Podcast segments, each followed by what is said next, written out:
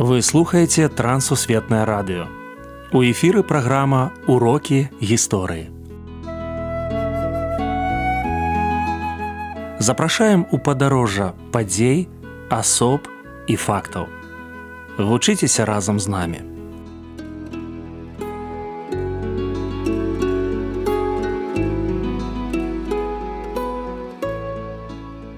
Добры дзень сябры. Перад мікрафонам сяржук брышцель і кандыдат гістарычных навук Андрусь унучак. Сёння мы пагаворым пра караля чапскага прывітанне Андрусь. Прывітанне сяржук прывітанне шаноўныя слухачы. Прадстаўце калі ласка нашага чарговага гістарычнага госця. Наш гістарычны госць гэта галава Менску, кіраўнік мэр Менску тагачасны.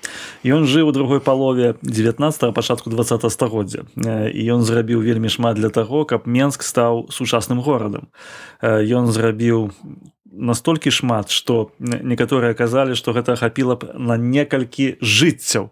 Але гэта ўсё уклалася прыкладна ў 11-12 гадоў ягонай дзейнасці на пасадзе кіраўніка гораду. Як караль чапскі стаў мэрам? Вельмі цікавы момант што у 1890 годзе калі яго выбралі кіраўніком менску на той момант было вельмі складана атрымаць гэту пасаду не будучы рускім і праваслаўным. Але нягледзячы на гэта праз тое што ў расійскай імперіі ўжо адбываліся рэформы караль чапскі атрымаў большасць галасоў гарадской думы. І ў гэтым сэнсе ён быў прызначаны і выбраны адначасова кіраўніком гораду. Ён быў чалавекам даволі вядомым з роду гутен чапскіх ягоны бацька эмеры гутен чапскі ягоныя дзяды яны пасяліліся ў вялікім княстве літоўскім і пераехалі з нямметчыны яшчэ ў 16 стагоддзі.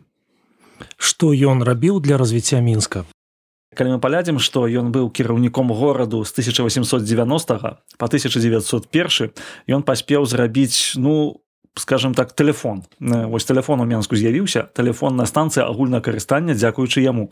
У 1891 годзе 58 нумароў было. Ён зрабіў таксама конку то бок трамвай які цягнули коні і пасажыры менскія яны ўжо маглі ездзіць по горадзе.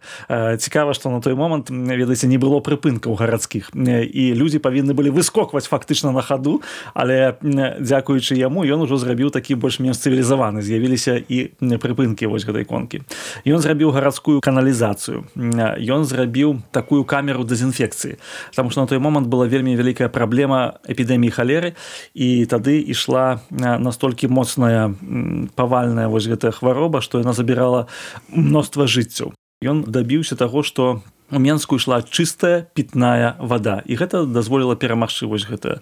Дзякуючы яму з'явілася электрычнае асвятленне вуліцаў і электрычнае асвятленне ў дамах. Можна працягваць вось гэтыя такія рэчы але самае галоўнае што ён зрабіў гэта тое што менск стаў прывабным горадам.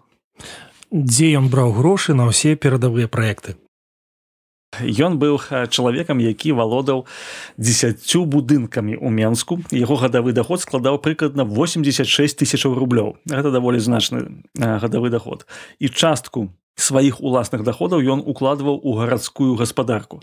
Ён быў сучасным на той момант вельмі сучасным гарадскім кіраўніком. Ён лічыў што можна браць крэдыты под развіццё гарадской інфраструктуры яны вернуцца калі сам горад будзе прывабным калі ў горад будуць хацець інвеставаць бізнесоўцы прадпрымальнікі. І ён свае ўласныя сродкі закладваў пазычаў гораду. У канцы яго накіравання агульны доўг менску які ляжаў на гарадской гаспадарцы складаў 806 тысячаў рублёў. З іх 200 тысячаў асабіста каралю чапскаму як кіраўніку гораду.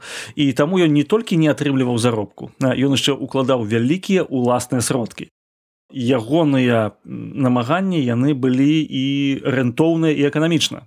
Ну напрыклад вось будынак гарадскога тэатру сённяшні купалаўскі тэатр у менску. Дзякуючы яму ён быў бы закладзены і дзякуючы яму вось з'явілася зусім іншая прывабнасць менску як тэатральнага цэнтру. Сюды з'язджалася публіка фактычна кожны дзень. І праз нейкі час вось тыя грошы якія былі закладзены сродкі ў будынак гэтага тэатру яны пачалі акупляцца яны пачалі прыносіць прыбытак Таму што гэта зрабілася прэстыжным месцам для гастроляў і іншых тэатральных трупаў. Вось так. Цікавыя факты з ягонай біяграфіі Ну я бы сказаў, што Караль Чапскі быў чалавекам, які валодаў незвычайнай энергіяй. Ён скончыў па-першае матэматычную школу ў Петербургу гэта Анен шуле знакамітую нягледзячы на тое што ён сам быў католік ён вучыўся ў пратэстанцкай школе ён вучыўся і ў нямметчыне ён вучыўся ў расійскай імперіі і ён быў чалавекам які бачыў сэнс у, у працэсе такой мадэрнізацыі у яго было як і ў іншых такіх паспяховых людзей шмат зайздроснікаў і недабразычліўцаў Ну напрыклад вось такі факт. У 1901 годзе ён сказаў што я сыходжу ў адстаўку але дайце мне яшчэ некалькі гадоў папрацаваць каб я мог давяршыць тыя праекты якія я пачаў. Завяршыць праект там напрыклад воз это губернатарскага саду ось будаўніцтва паркаў у менску і так далей. І дума гарадская дума вось сённяшні скажем так гарадскі савет калі сённяшняй мовай за яго прагаласавала. 25 галасоў за 10 галасоў супраць. І яму даецца вось гэты час каб ён завяршыў усе праекты. Але выявілася што на той момант ён быў цяжка хворы на туберкулёз І вось чалавек у такім стане ён клапаціўся не пра сваё здароўе, не пра сваю асабістую, можа быць такую будучыню, а ён найбольш клапаціўся пра тое, як будзе выглядаць горад і ці завершыцца ягоная справа. На жаль, праз хваробу ён здолеў прапрацаваць толькі два месяцы. Пасля гэтага ён павінен быў ехаць у баден просто лякавацца, таму што хвароба была ускладнёная. Таму мы на сённяшні момант можам сказаць, што вось гэта чалавек, які ну, зоркай першай велічыні прынамсі ў 19 пачатку 20 стагоддзя. Андрусь, чаму гісторыкі называюць караля чапскага адным з самых выдатных кіраўнікоў мінска Я хочу сказаць что караль чапскі ён быў чалавекам які не толькі мадэрнізаваў горад але ён падрыхтаваў менск да сталічнага статусу. Пасля яго кіравання менск стаў сучасным горадам менск набыў сучасную інфраструктуру і там з'явілася вялікая колькасць энергічных прадпрымальных людзей якія гатовыя былі рызыкаваць каб зрабіць свой горад лепшым як і сам каральчапскі і нягледзячы на тое што ён кіраваў ну даволі непрацяглы перыяд ягоныя дасягненні былі настолькі вялікія што на сённяшні момант мы можемм сказаць што ён уваходзіць у абсалютную тройку можа быць нават самых выбітных кіраўнікоў менску за ўсю гісторыю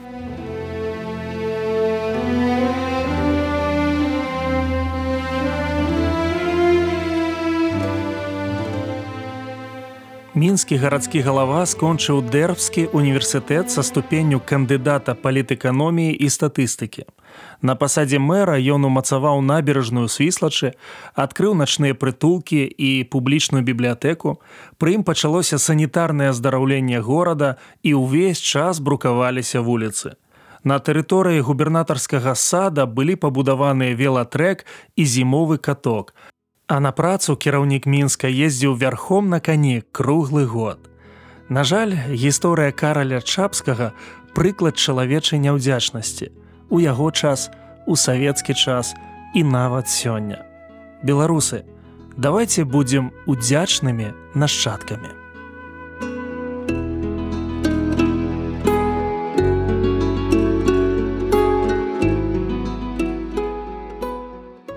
Дзякую, што далучыліся да нашага праекту.